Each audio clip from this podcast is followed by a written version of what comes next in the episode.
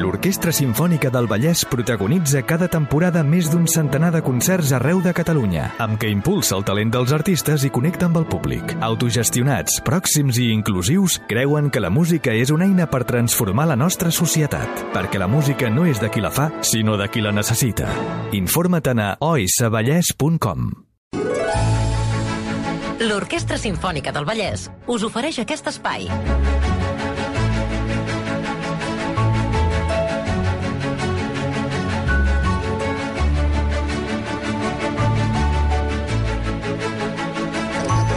Quatre minuts i arribarem... A, perdó, quatre minuts passen d'un quart de set del vespre. Ramon Gené, que l'estàvem sentint de fons. Què tal, Ramon? Bona Ei, tarda. bona tarda.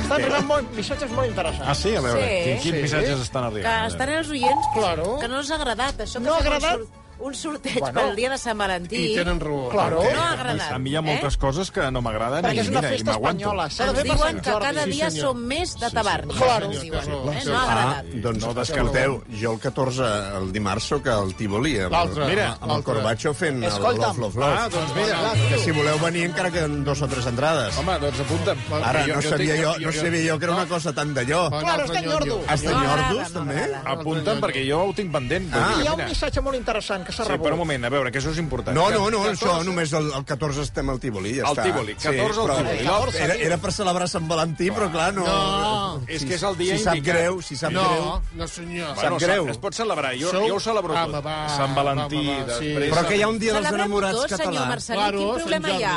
A Sant Jordi. Sant. Jordi. Sí, però es pot celebrar Sant Valentí. Sant Jordi. Per què? I per què no? Per què? I per, què? I per, què? no? Per què?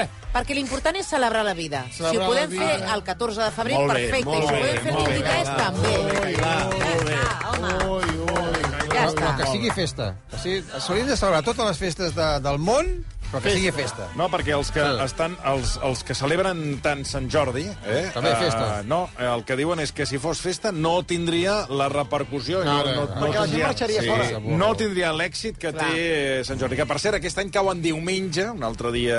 Extraordinari. Un altre dia tonto. Sant Jordi, els dies festius... Per què poses el Montserrat? Ara, això no ve, no Això ve Tom, 27 no ve Tom, no, això no ve Tom, no ve Tom, Àlex. No, tu poses... Has vist... A lo loco. Bueno, Bueno, doncs, més o posa, menys, a lo més o menys. Per aquesta roda 3, escolta'm, posa'm el camp del Barça, ja també. Vull dir Sí. que és igual, no ve d'aquí. Però, mm, dic que, sí, el, quan és festiu no se celebra de la mateixa manera que un dia... I aquest any repeteixo, Però diumenge. com serà diumenge, aleshores No ja... t'enfadis, Àlex, no t'enfadis. Però No. el 27 d'abril... Ah. Posat el virulai perquè era... Català, perquè- clar, doncs molt ben Bueno, fet. no, no, està bé, està ben trobat, està ben trobat. Però bueno, Tornem-lo- 27 tornem-lo a posar, El tornem-lo a 27, posar. el 27 també hauria de ser festa. Sí, A mi m'agrada el dia 27. ja. Que abans era el setembre, eh, la de Montserrat. Sí, sí, però també ho ha canviat, tot això canvia. Bueno, el que anàvem, Va. el Love, Love, Love, el dia 14... Sí, el dia 14, perquè que queden tres entrades, si algú Vale, vol venir, algun que comentari estem, més estem de allà. Tabarni? Sí, Tabarni, sí. mira, doncs incorporarem el Tomàs Guas, que va ser col·laborador del programa. Mira, potser que el tornem a repescar, si... Pots si llegir, creieu. sisplau, un correu electrònic que s'ha rebut respecte al senyor que ha explicat tota la crisi de l'aigua?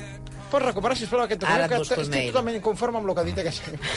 Està conforme o inconforme? Sí, sí, és la No, no, veritat. conforme. Ah. conforme és conforme. Ah, és Conforme, que, per que favor. estic Però inconforme. vostè entén el que vol, també. Bueno, S'han enfadat també. També. Perquè m'ha entrevistat aquest, Bueno, bueno, És aquest expert. Aquesta època de l'any, eh, aquesta és- època de l'any eh, la gent està fosca, està, està Inclús- enfosquida. no, no, senyor, no, senyor, no, senyor. Perquè és el febrer, fa raonar. fred, Deixa'm eh, Hem raonar. ja és entrevistat fosc. un expert en desertificació que forma part de l'1% dels científics més citats del món per seus estudis, d'acord? Però ens diuen... Sí, digue-li, Estic digue-li. escoltant el tècnic de la Sí, Can, no és un sí. tècnic, eh? És un doctor. És un de la companyia d'aigua. Sobre el tema de citen- l'aigua... El citen per insultar-lo? O per... No, diu, i és molt interessant, però no hi ha tècnics del nostre país Ara, que parlin ara, català Ara, ara, ara, i coneguin les nostres Ara. mancances. Ara.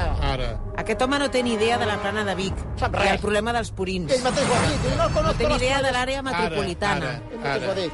Sembla que obviem els nostres És professors més, senyora, i ara diré una tècnics. cosa que, que és la pura veritat. Vaig ser a Alacant, a, El, a El, Elche, a Múrcia, a tot això, en una època que hi havia una sequedat tremenda, i les fonts i els regadius... A xorro. A tope, eh? Però a tope, a tope.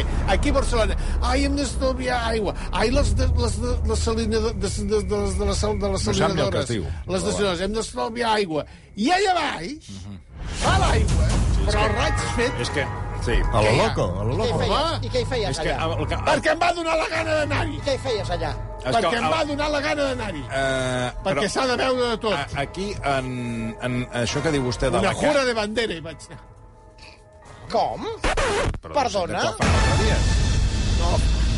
Ah, Van a fer la confirmació, que No, van a fa fer... anys, van fa a anys fer la... quan, quan hi havia aigua. No, no. Hi havia una, una sequedat tremenda. I per cert, Marta Caelà, a la, Cartagena. a la segona hora de programa, quan s'ha fet l'homenatge al senyor escritor que ens va deixar, Josep Maria el senyor Josep. Maria Espinàs, has dit JV Foix. He dit JB. Oh. També m'han criticat, m'han dit que és veritat home. que m'he equivocat, JB? Foix. Sí, sí, s'han enfadat també.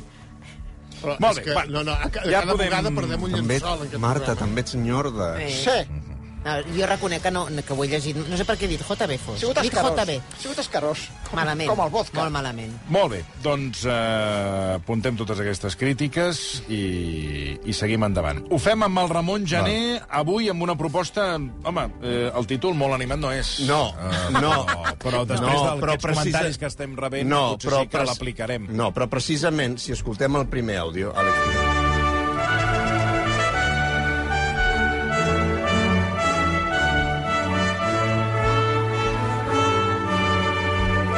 Perquè fa dies... Están ustedes escuchando Radio Ñorda, su radio amiga.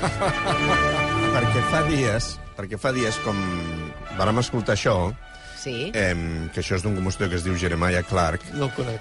sí, un compositor del, del 17, eh, vam estar fotent molta conya i vam estar aquí rient una bona estona sobre els problemes que va tenir aquest home per suïcidar-se. Sí. Ah, sí. Ah, sí, sí, sí, sí sí. que ho recordo. Jo que llançava una moneda a l'aire, llavors la moneda va caure, no sabia si es havia de ficar, tal, i no sé què. No? Llavors vam fotre molta conya d'això. I... Es volia penjar, al final no es va penjar. No Ah, exacte, perquè va llançar una moneda, no sabia si es havia de llançar l'aigua o penjar-se, perquè no sabia nedar. Ja Jo vaig dir que penjar-se una corda llarga i, i si moria penjat i ofegat. A la vegada. Com es deixi? Jo vaig dir aquesta cosa. Bueno, llavors estem repetint... Us en recordeu? Sí. Sí. Sí, No, sí, per no desgràcia, recordo. sí. Tot el que diu vostè ho esborro perquè el saber ocupa lugar i les seves coses m'ocuparien una part del cervell que no m'interessa. Per tant, esborro tot el que vostè sempre em proporciona i omple l'antena de RAC1, que el que podríem fer és que a partir de, no sé, la temporada vinent, si és que n'hi ha, eh, vostè ja parlaré, que se'n vagi a RAC més 1 a fer els seus comentaris. Endavant. eh, Ja aniré repetint, ja aniré repetint perquè ho vagi Sí, no, digui-ho per RAC més 1, que segur que serà molt interessant seguir-lo. I aleshores vam estar, JB Boigues. Va, vam estar, vam estar fotent tota aquesta conya Sí. i vam estar rient i, hòstia, aquest tio no sabia com suïcidar-se, tot, i no sé què, que, que no sé què. Llavors, sí. després, com, com vaig arribar a casa, vaig pensar, home, potser hem fotut massa conya I d'això, tant, no? i tant. Perquè, Pobre home. No per per broma, sinó doncs perquè, home... Al final es va si, un matar, es, o no? si un mira les estadístiques de la gent que es treu la vida... Sí, home, Sí, sí, clar, home. però la vida, la vida te la pots prendre de moltes maneres. O sigui, la tant. vida te la Sí. pots prendre sempre amb un somriure i... Sí. No, no, no, que ja està bé, ja està bé, ja o està sigui, bé. ja hi ha moments que No, te, te ja la està prens bé, seriosament, ja però està. també està bé de tant en tant. Sí, i- no, No, ja fer està broma, bé. perquè igual fent broma evites que algú... Ara. Perquè, Això perquè, sobretot. li- No, perquè l'alegre, li alegres Sí, la, va. la, la tarda. Bé.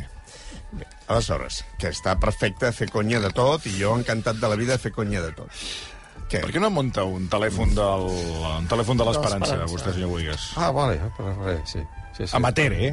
Sí, Allò sí, que fa sí, vostè, sí. amateur, Sí, eh? cobrar. Sí, sí, ho faré, ho faré. Vale, doncs ja ho provarem un dia. Va, dic. I aleshores vaig estar pensant Sí. sí. que, que potser valdria la pena explicar com comença tota aquesta història de, de la gent que suïcida, no? Com comença aquesta història de d'aquesta persona, sobretot dels artistes, d'això que nosaltres avui en dia anomenem l'artista, i aquesta necessitat de, del fet creatiu com un fet angoixant, com un fet que provoca una inestabilitat, un patiment, i que, per tant, porta cap a l'angoixa, no?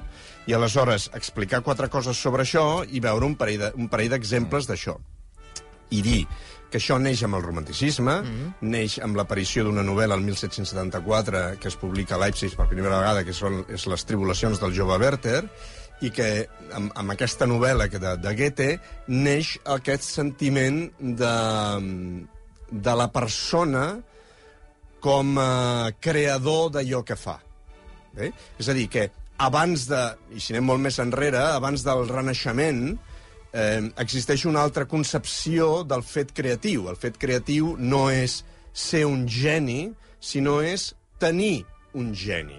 És a dir, els grecs no pensaven que el fet creatiu fos una cosa que, inert amb ells. O sigui, no pensaven que quan ells creaven o quan ells escrivien o quan ells pintaven o dibuixaven una àmfora, allò fos un art que provenia d'ells mateixos, sinó que provenia d'un daemon, eh? és a dir, d'un ser exterior, que en algun moment els posseïa i en el moment en què els posseïa, ells eren capaços de fer o d'expressar-se artísticament, però que això succeïa perquè hi havia un element exterior que els posseïa i de, ta, de tal manera que podien expressar-se d'aquella manera. Però tot això que passa... Jo no, jo no. A mi no em ve d'un ser superior perquè jo sóc superior a aquest ser superior. Exacte. Claro. Jo sóc superior a Déu, per exemple. I a vegades, i a vegades Sí, sento sí. la seva possessió. Sí. Jo, el que... Eh, el, el, eh, eh, si, si no interrompim, podem avançar a la secció, perquè és que si no, no, no No, avancem. però bé I i jo, Però, perdona, perdona. el- Perquè està, s'acaba la- està fent una aportació Sí, però la, la, la, la trompeteria que, que escoltàvem de fons, diguéssim que ja l'hem amortitzat. Eh? Per, tant, Per això ha anat bé que interrompís, perquè s'acaba la Si trompeta. callen, vostès, passarem al següent Però àudio. és una aportació No, interessant. és que no m'interessen les aportacions. Ja l'he dit, no m'interessen les aportacions del senyor Puigdes. Endavant, Ramon. I, a, i, i aleshores... És que no sé, no sé, no sé què estava explicant ja. Sí, Que- els que- que- grecs. És que, és que només tallen la Que els botifarra. grecs, els- Constantment Exacte. tallant la botifarra. I aleshores a, arriba... Vagin a treballar a un Frankfurt Això, això que... Això que, això, amb la botifarra. Sí, tota l'estona tallant, tallant, talla tallant. botifarra. Vagin a tallar botifarres. Això que els grecs Això hi en ha deien... l'escriptura automàtica. Silenci! Això que els grecs en deien els daemon, que el daemon, que després els, els, els, els, eh, els romans en van dir el genius, eh, i després arriba el Renaixement, i amb el Renaixement arriba l'home com el centre, l'àntropos, com el centre de l'univers, perquè l'home ha estat creat a imatge de Déu, i per tant, si és a imatge de Déu, doncs és un ésser perfecte, i si és un ésser perfecte es converteix en el centre, i per tant es converteix en, el, en la font de la creativitat. I, a, I des del moment en què l'home es carrega amb aquesta responsabilitat de la creativitat, és quan comencen els problemes, és quan la gent deixa de eh, pensar que tens un geni. És allò que, és allò, sabeu allò que en diuen... Sabeu allò que en diuen els, els que canten flamenco? Ah, tener, ja. tener duende. Duende, Tener sí. duende. Claro. Vale? Pues els del flamenco en diuen hoy he tenido duende, no? Hoy no he tenido duende. Però el dia que tienes duende és aquell dia que sents aquesta presència, que et posseix i, per tant, pots expressar-te d'una manera més elevada, perquè has, has estat posseït. És allò que deia Picasso, jo eh, estic sempre al meu estudi i estic esperant perquè quan arribi la inspiració, la inspiració m- m- m- Em trobi treballant. Em trobi treballant, perquè, perquè entenc que ha de venir en algun moment, i ha de venir de fora. I això ho diu Picasso, que és un dels tios més genials A l'hora de cobrar el quadre, mig per ell i mig per la inspiració, també hauria de Exacte. cobrar la que ve de fora. Vull dir, que, saps? Que no hauria de cobrar tot ell. Bé, amb les qüestions mercantils ja no m'hi fico. Jo, eh? Ja no m'hi fico. Pots riure, eh, també, si vols. Sí, molt bé. I aleshores, és aquesta història, o és, o és la mateixa història que m'he apuntat aquí, ho he portat, m'ho he escrit a la mà, aquí fora, que és aquest decàleg que, mm, que deia l'escriptor aquest que es deia... Com es deia? Qui? Brian... Ja no Espinàs. No, no, no. Hi havia... Hi havia un... Ai, com es diu? com es diu? Brian Clark, em sembla. El Brian Clark feia un decàleg per explicar això mateix, no? Quan eh, arribi la inspiració que t'agafi treballant. Llavors, la idea, decàleg per ser un bon escriptor. A veure, calleu. I el decàleg és? Que ha d'escriure. És No, però... però La llista de la compra, perquè una altra decàleg cosa... per ser un escriptor. Però és per, eh, atenció, és per intentar entendre aquesta idea de aquesta inspiració que ve de fora i que t'enganxi treballant. Perquè el fet creatiu no depèn de tu, que és escriu, escriu més, escriu encara més, escriu encara més que això. Escriu quan no en tinguis ganes, escriu quan tens ganes, escriu quan tinguis alguna cosa a dir, escriu quan no tinguis res a dir, escriu tots els dies. Continua escrivint. Amb tanta feinada, Val? després el, el, el mèrit és de fora. Tu t'has fotut a currar com un desesperat i després el mèrit és, li foten la medalla a, a, a, la, a la inspiració que ve de fora. Home, va. Bé, aleshores arriba el Renaixement, amb el Renaixement arriba després tota aquesta història, la il·lustració, amb la il·lustració després arriba el romanticisme i esclata el Werther, que és aquesta història de l'home que pel seu patiment creatiu, per la seva hipersensibilitat, perquè, clar, tots entenem que l'artista és hipersensible. I no per això tots idolatrem els artistes. Claro. Perquè entenem que és un ser hipersensible creatiu i que fa una cosa que nosaltres no podem fer, que només pot fer l'artista. Tot això neix amb el Werther. I el Werther és aquest home que al final suïcida perquè no, no, no, no encaixa en el món. La seva hipersensibilitat fa que no encaixi entre els, entre moltes cometes, els mortals.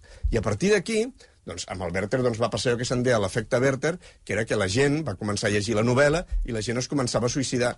Es començava a suïcidar exactament a lo igual que, loco. igual, a lo loco, igual que el protagonista. Vertes em passa a mi amb els vertes originals, que m'enganxen aquí al paladar, Sí. sí. aquells grossos, Sí, sí, dolços. és horrorós. I, hòstia, jo l'altre dia em va arrencar el pont, eh, que porta un pont aquí, Sí, sí, grossos, sí. són... Molt interessant, No també, aquesta no aportació. I llavors ara, mira, me les enganxo amb verters, tu. Foto dos trossos de carmelo, tiro endins, i, Vale, vale. i pots fotre calçotades de tot i no et salten, eh? És un altre, és un altre Werther. Mm. És el Werther I que treu la litosis.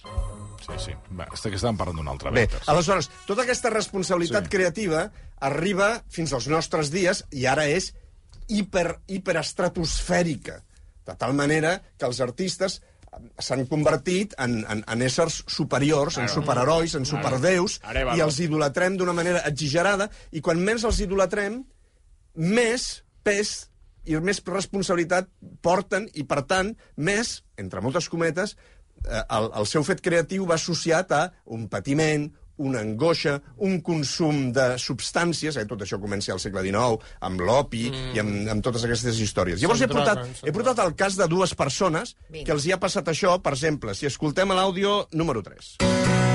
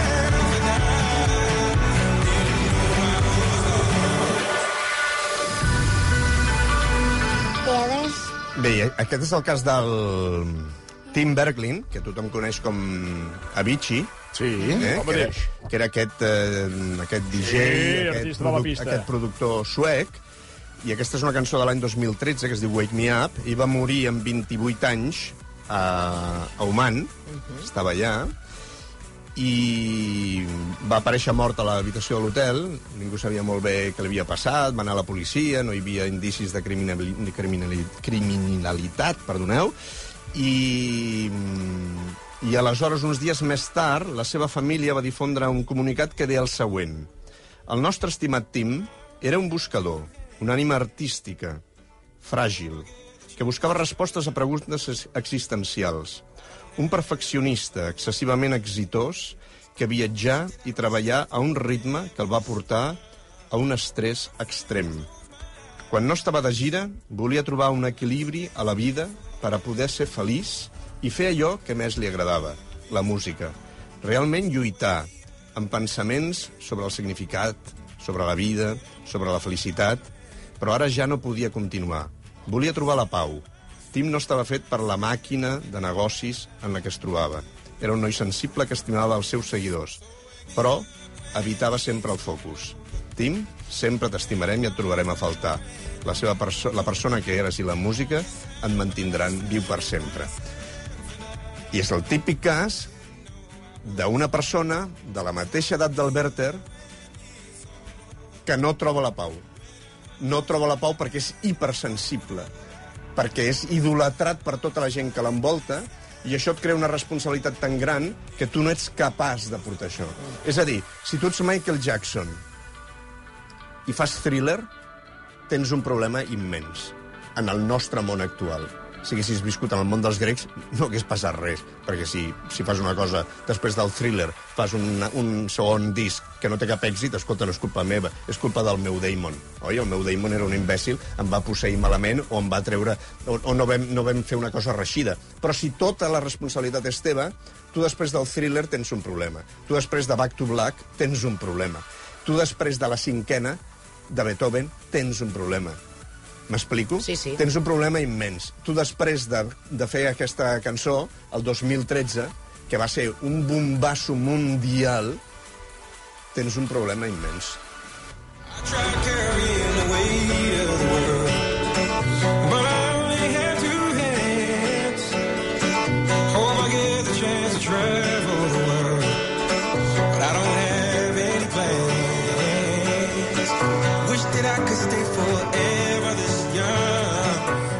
un altre cas... Hi ha molts casos, eh? Perquè això, des, des de que comença el tema Werther, això és un, això és un degoteig, No eh? Això és un no parar i és un degoteig de gent que pateix aquesta responsabilitat.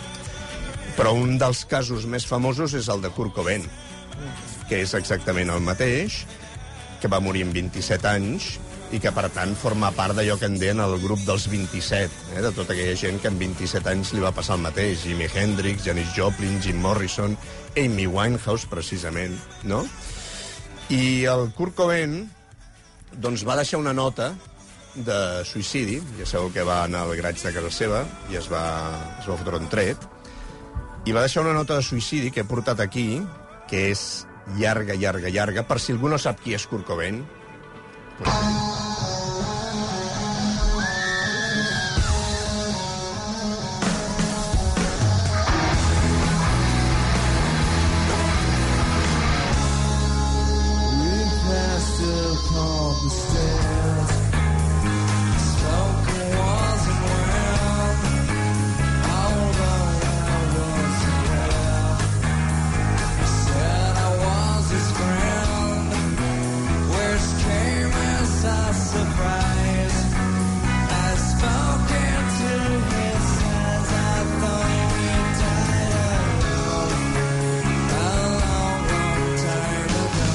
Està disfrutant de la música, no, Molt, senyor Virgili? molt. Que és un tipus de música que vostè... Home, No, no. no li agrada. Kurt Cobain, no. Senyor, senyor Virgili no, no el veig de Kurt Cobain. I la de Michi tampoc... Eh... Avicii, Avicii. Avicii, perdó, eh, tampoc. La, crec que és del seu... Doncs, per, per, per, per un moment, per un moment, per un moment, per un moment. Pa, eh, potser, ara, perquè posem una que li agradi a ell. A veure, Veiem, eh, per exemple, aquest, aquesta cosa, i tornant al Werther, clar, el Werther, mm, naturalment, mm. després de la novel·la de Goethe, va passar per tot arreu, no? I, naturalment, per l'òpera també. I hi ha l'òpera de Massenet, de Werther, que jo crec que és el tipus de música que explica l'hipersensibilitat d'aquesta persona amb una cosa que se'n diu el Clar de Lluna de Werther, que és acompanyat pel cello, que al segle XIX el cello va ser com el descobriment del cello i l'arpa són cello. els instruments romàntics per excel·lència, no? de les persones, de les persones que, que pateixen. No? I aleshores, ja veureu com escolta.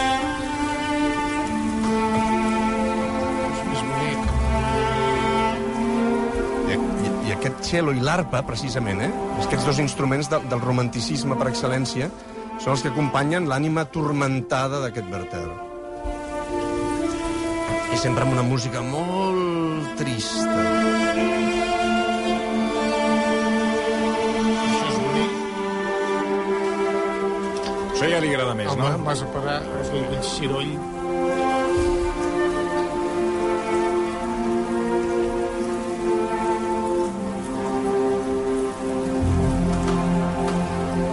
Werther també es fot un tret, eh? Noi,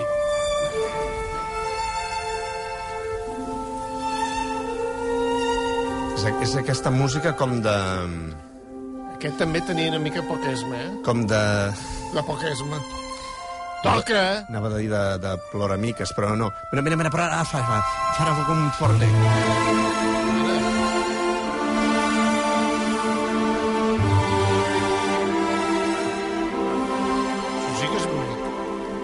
Ja li he dit jo que aquesta li agrada. Aquesta, aquesta li agradaria, però era per il·lustrar una miqueta això. Tornem a, tornem a Cobain? Vinga. Esta la posen en Rock FM. Això, Això és el grunge. Kurt Cobain va ser un...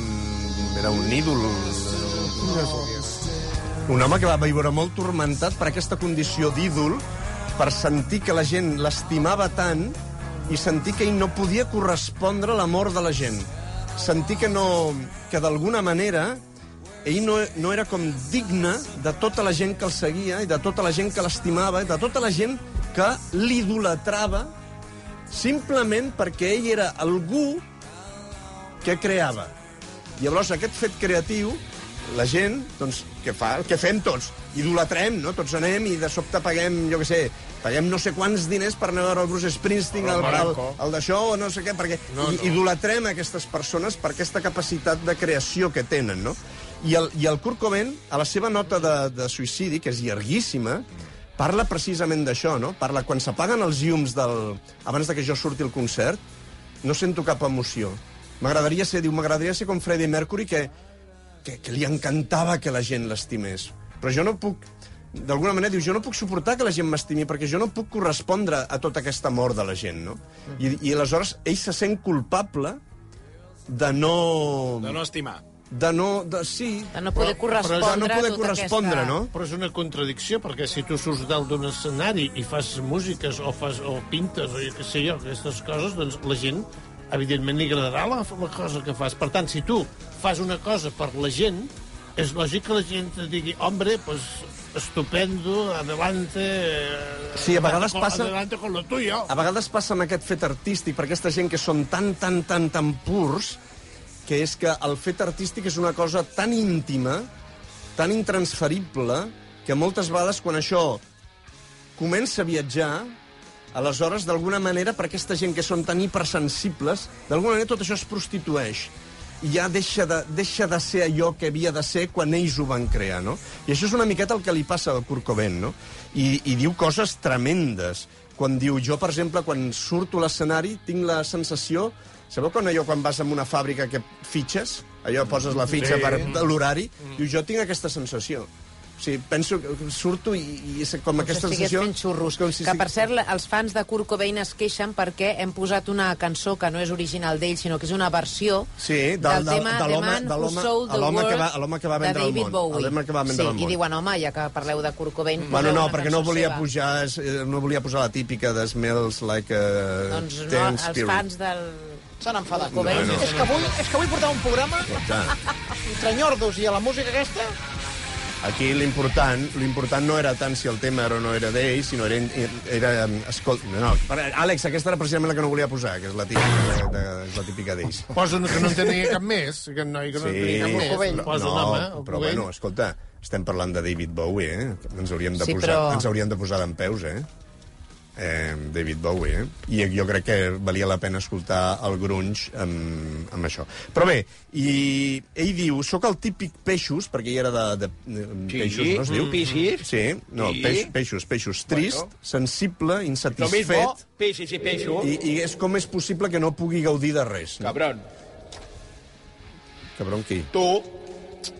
Claro, ¿no sabes que peixes i peixos és el mateix? Pues eres un cabrón. Bueno, però ho, ho ha dit en català. No Sí, s'està ja ha dit queixant que no peixos, diem ja ha les dit en peixos. català, L'altre és en llatí, pi, pi, peixos. pi, pixis, Va, pixis. silenci. Molt bé. mierdas, qui? Bé, aleshores, um, no, no, havia portat tota la nota de, del Kurt suïcidi. Cobain, del suïcidi, que pràcticament és com una novel·la. Ah, és, és un, Molt llarga, com més és llarga, més va viure. No? Com més llarga la fa, més pogut fer. Si l'hagués fet més llarga, encara estaré viu. Ja. Ell diu, al final, diu, gràcies a tots pel... Gràcies a tots des del... Clar, clar. Diu, gràcies a tots des del, des del més profund del meu estómac nauseabund per les vostres cartes durant els darrers anys. Sóc una criatura voluble i llunàtica. Se m'ha acabat la passió i recordeu que és millor cremar-se que apagar-se lentament.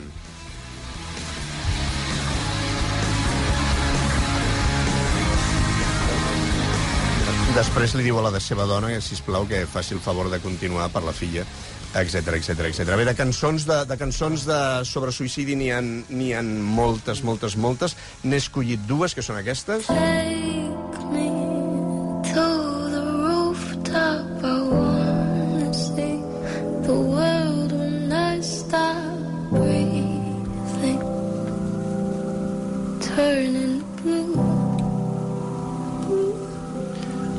Listen Before I Go, Billie Eilish. love is endless. Don't be so pretentious. Like you do. Són només un parell d'exemples, eh? I aquesta altra. I gave all my oxygen to people that could breathe. I gave away my money and now we don't even speak. I drove miles and miles, but would you do the same for me? Oh, honestly. Offered up my shoulder just for you to cry upon. Gave you constant shelter and a bed to keep you warm. They gave me the heartache, and in return I gave a song. It goes on and on. Life can get you down, so I just numb the way it feels. Or drown it with a drink and out of date prescription pills. And all the ones that love me, they just left me on the shelf. No farewell. So before I say someone else, I've got to save myself. La cançó diu això, no? Abans de, abans de salvar algú altre, potser que em salvi jo mateix. Es diu Save Myself, o sigui, salvar-me a mi mateix, de Ed Sheeran. I n'hi ha moltíssimes, moltíssimes cançons. I al món de l'òpera, des de l'any 1600... No te l'acabes. Més de 400 anys de història de la música, o sigui, hi ha suïcidis per tot arreu. I, i tots els suïcidis tenen a veure amb, amb aquesta història de la hipersensibilitat i de, sobretot de la idealització de l'amor que és també el que li passa a Werther, no? Werther és un home que, quan llegeix, llegeix poesia, lle- llegeix la poesia d'Ocean, o sigui, només llegir-la ja se l'aprèn de memòria, no? I no pot llegir-la sense començar a plorar, perquè la poesia li porta, li, li, desperta uns sentiments tan, tan immensos que no pot parar de plorar quan llegeix i no pot parar de, de, de sentir-se tret per tot allò que és sobrenatural, no? És el, el tio que es flipa amb un arbre, amb una fulla que cau, amb un ocell que canta, no? I, i, i és l'home que idealitza l'amor de tal manera que qualsevol, qualsevol altra cosa li sembla totalment irrellevant, no? I aleshores se- s'enamora de la Charlotte i clar, quan la Charlotte no el pot correspondre, doncs aleshores ell decideix eh, Suïcidar-se. suïcidar-se, no? I això al món de l'òpera, doncs amb 400 anys d'història n'està ple, no? I hi ha tants, tants, tants suïcidis al món de l'òpera que no sabria ni per on començar, no? Però si penseu només en Verdi o en Puccini, El Trobador, Nabucco, Otello, Luisa Miller, Aida, Madame Butterfly, Turandot, Tosca, Suor Angèlica, i aleshores voldria escoltar un trosset de l'intermezzo de Suor Angèlica que vaig portar aquí fa uns quants dies, però va ser impossible escoltar, Mhm. doncs perquè vam entrar en una dinàmica No, d'aquelles... no sé pas per què, perquè No, aquí una donem- dinàmica te donem- d'aquelles del versió. Te donem marge perquè posis I tant. músiques i en canvi tu no, no, no calles, vull dir, no, no, no, la culpa és teva. Val, doncs vinga, escoltem-la. que en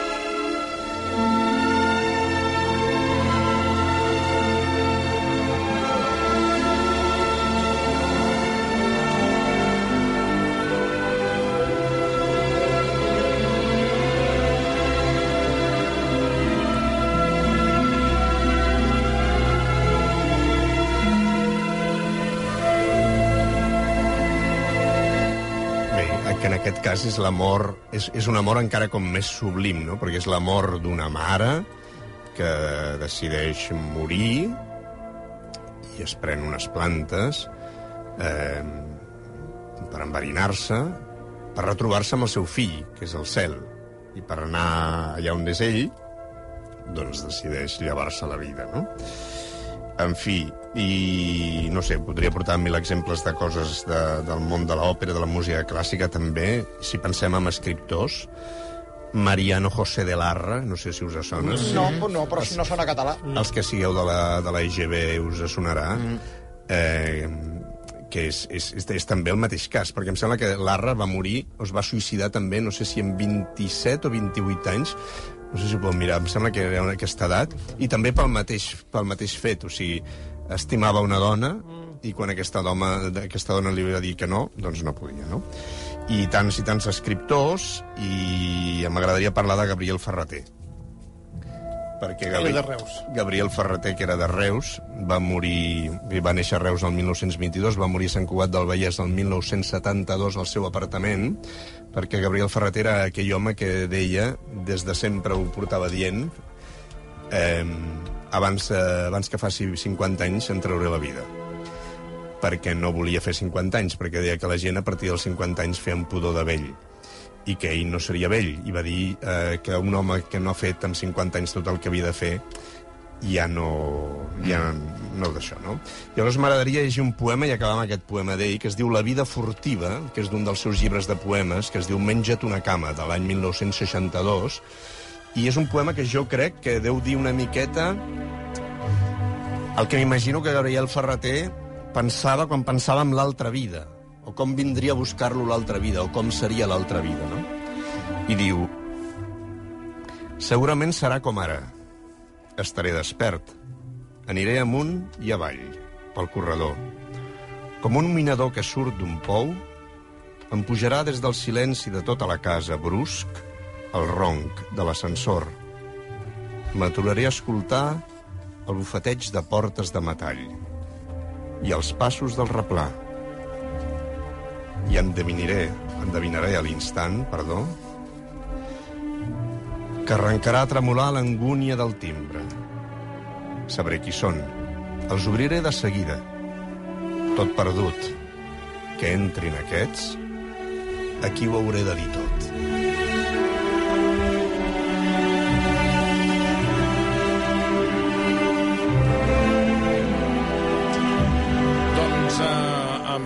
Avui amb Gabriel Ferreter i amb Ramon Gené eh, us diem eh, fins demà, demà a les 3. I amb una oient que ens recorda, eh, diu, sí. gràcies per trencar el tabú, eh, telèfon de prevenció del suïcidi, hi ha un telèfon de prevenció que funciona a les 24 hores del dia, telèfon gratuït, 900 925 555. Doncs gràcies a aquesta oient, gràcies a tots. Demà, en principi, més i millor. Fins demà, adéu-siau, bona tarda. L'Orquestra Simfònica del Vallès protagonitza cada temporada més d'un centenar de concerts arreu de Catalunya, amb què impulsa el talent dels artistes i connecta amb el públic. Autogestionats, pròxims i inclusius, creuen que la música és una eina per transformar la nostra societat. Perquè la música no és de qui la fa, sinó de qui la necessita. Informa't a oisavallès.com.